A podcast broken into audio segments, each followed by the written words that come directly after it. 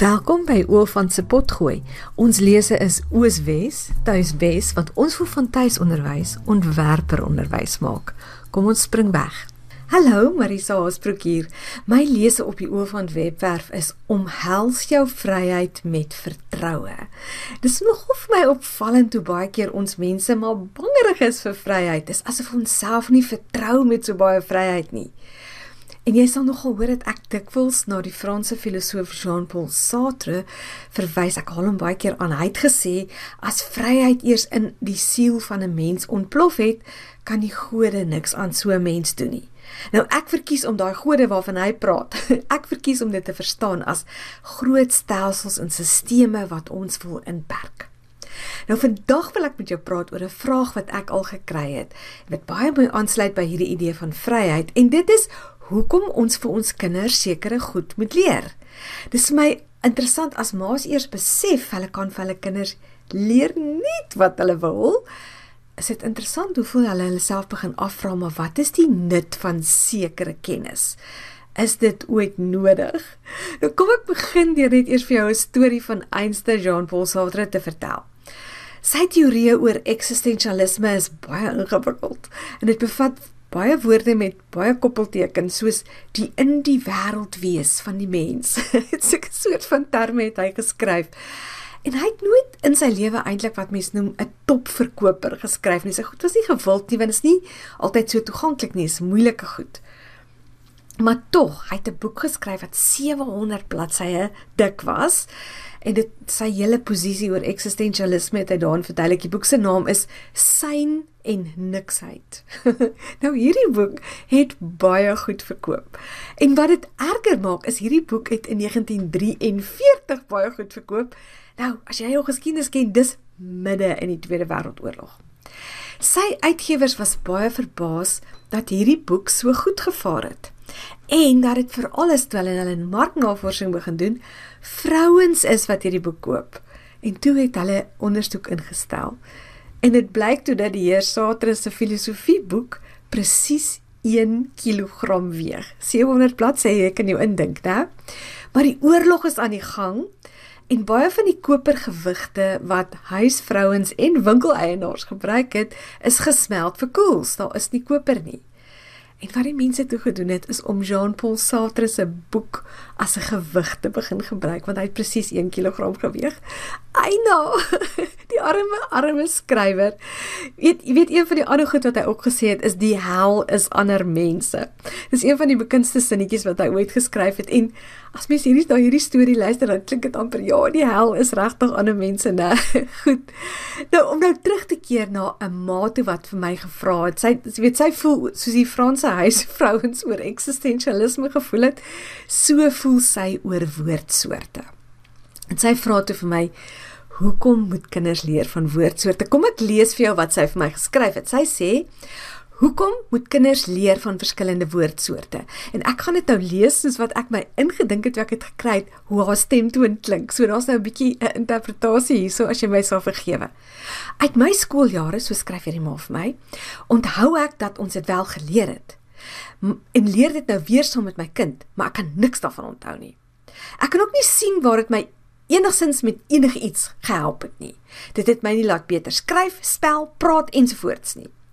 Ek het dit tog altyd gesien as seker die mees nuttelose inligting wat mens ooit op skool leer, want dit is nie eens interessant nie.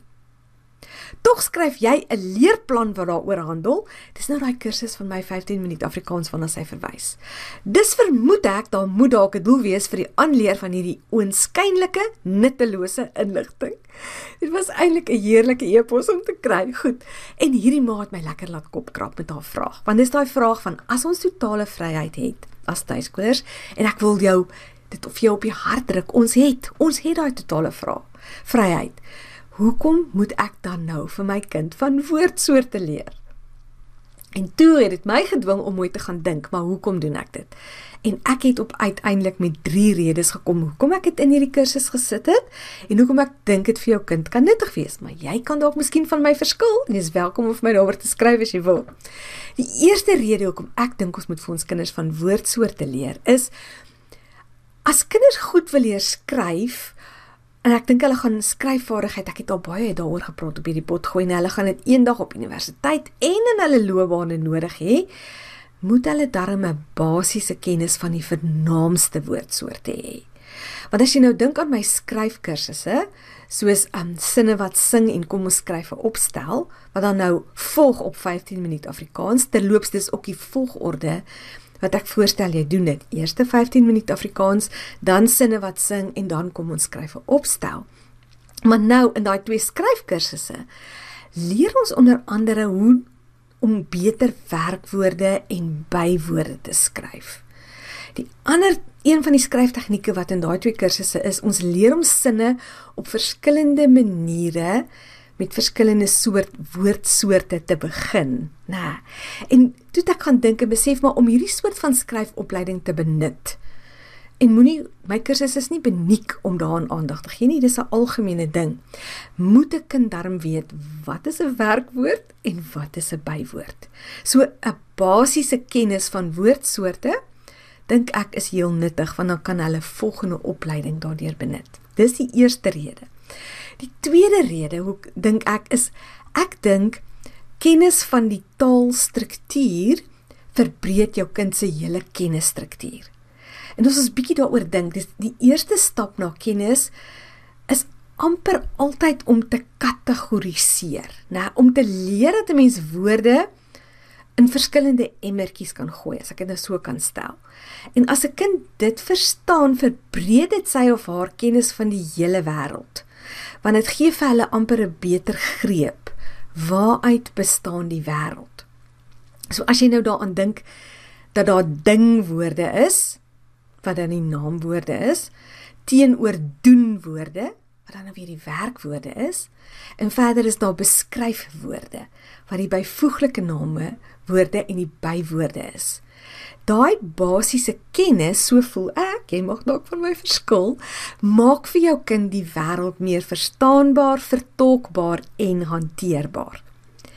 En as ons dit nou bietjie verder vat, die insig dat die ding, die naamwoord, is die kern. En die beskrywing, die byvoeglike naamwoord is bykomend. Dit help jou kind ook om wat ander mense sê en skryf beter te verstaan.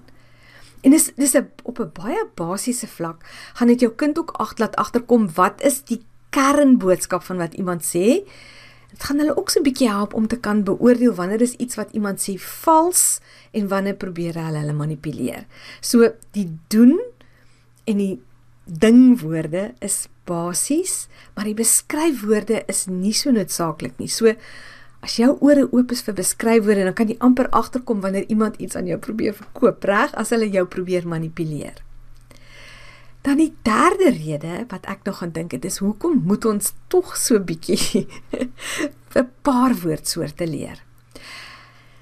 En hier is nou meer my. Nou raak ek erg filosofies. Ek gaan nou in die tyl in hierso in die lyn in van Jean Paul Sartre. Goed. Ek ons mense is eintlik die enigste wesens wat of kom ons sê skepsels. Ek praat nou nie van die Here en van engele en so nie, maar ons is die enigste wesens wat 'n ware selfbewussyn het. Dis iets waaroor Jean-Paul Jean-Paul Sartre nog baie geskryf het. Ons het hierdie en ek dink is 'n goddelike vermoë om van buite af na onsself te kyk en dan te dink oor hoe ons dink. Ons is meer as net breine, ons het siele ook. En die geleerde naam vir hierdie verskriklike ongelooflike vermoë om te dink oor hoe jy dink is metakognisie. En taal is veral die instrument waarmee ons dink. En deur na te dink oor hoe hierdie instrument wat ons so baie gebruik, hoe hy aan mekaar gesit is, versterk ons eintlik hierdie vermoë tot metakognisie. En ek voel dis 'n voorreg wat ons as mense het om hierdie godgegewe gawe te kan aanwend. En ek dink jy gaan dit dalk beter verstaan as ek dit vir jou met 'n beeld verduidelik. Gestel jy's 'n houtkapper en jou vernaamste gereedskapstuk is 'n byl. Maar as jy meer weet van jou gereedskapstuk, gaan jy beter daarvoor sorg. Jy gaan dit ook beter kan gebruik om vinniger en makliker bome te kan afkap. Jy moet byvoorbeeld weet die houthef van jou byl moet jy anders versorg as die skerp eysterpunt. En die hout handvatsel moet jy glad skuur dat jy 'n lekker greep op jou byl het en dat dan nie splinters in jou hand steek nie.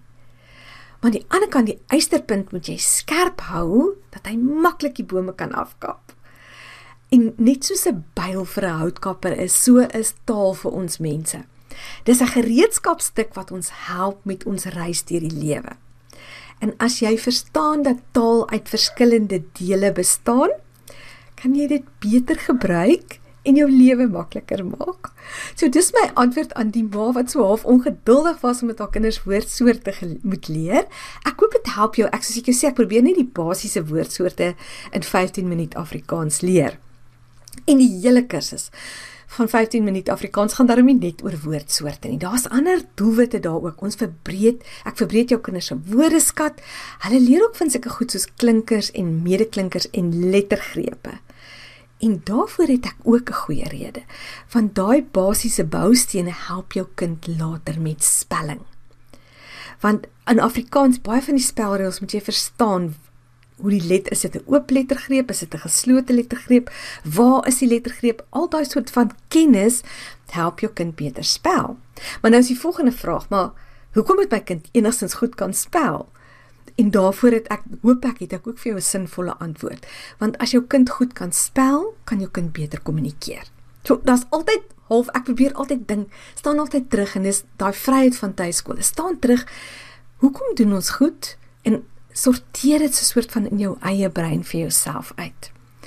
Nou 15 minuut Afrikaans bevat ook 150 voorbeeldsinne in goeie Afrikaans en dit dit sluit aan by daai proses wat ehm um, wat ons baie van praat by voorlees en dis fonologiese bewustheid.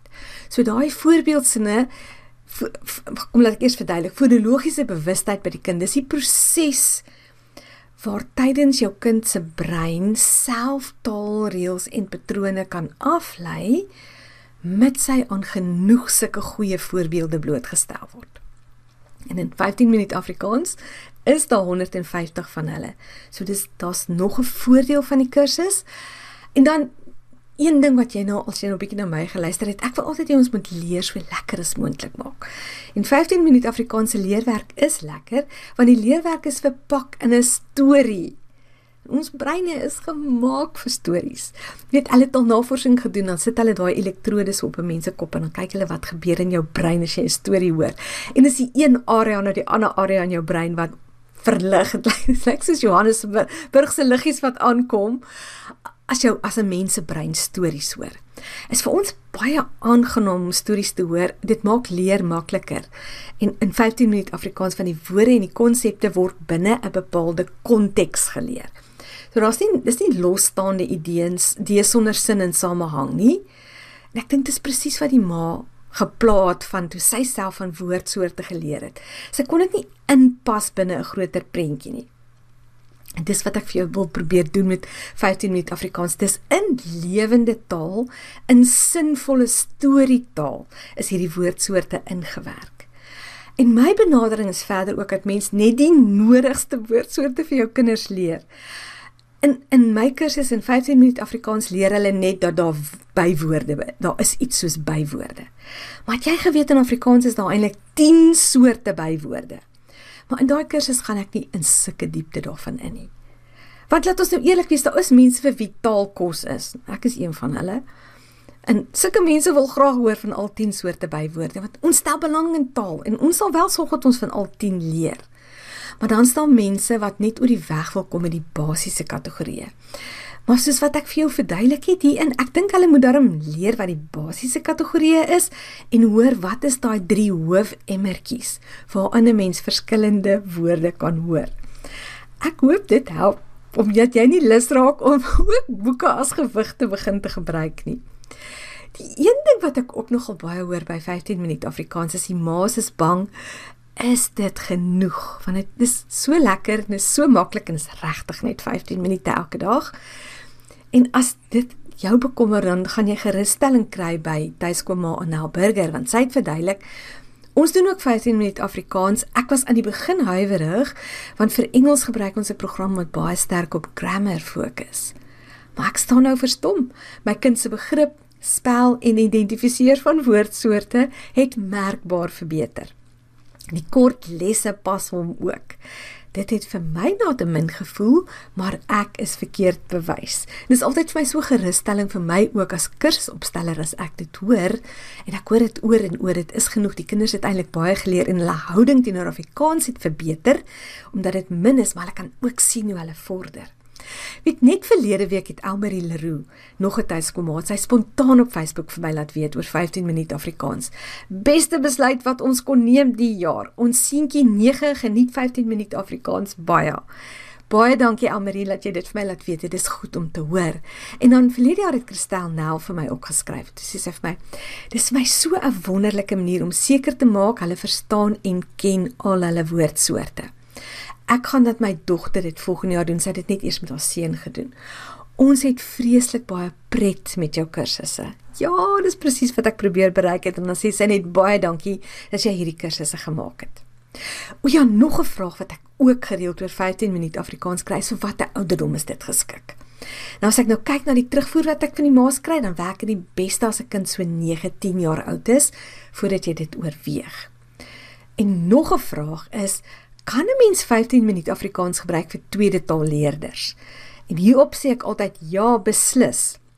Maar dit is baie belangrik dat die ouer of die tutor Afrikaans baie goed onder die knie moet hê, baie goed met bemeester omdat die onderwysersgids is regtig opgestel vir iemand wat ek het veronderstel, dis mense wat Afrikaans goed kan kan lees. As jy net eers 'n beter idee van 15 minute Afrikaans wil kry, daar is twee gratis lesse en hulle is binne in daai gratis kursus begin hier met tuiskool, gratis en verniet. Ek gaan vir jou die skakel na daai kursus gee in die beskrywing, maar as jy na die voorblad van my webwerf toe gaan oofan.com, gaan jy ook toegang kan kry tot daai gratis kursus. Verder gaan ek ook vir jou die skakel gee van 15 minute Afrikaans as jy reg is om dit aan te skaf. En dan wil ek afsluit met hierdie tong in die kies aanhaling van Jean Paul Sartre. As jy eensaam is, as jy alleen is, bevind jy jou nie in goeie geselskap nie. Wees hierdie week vir jouself goeie geselskap. Ek gesels graag weer volgende week.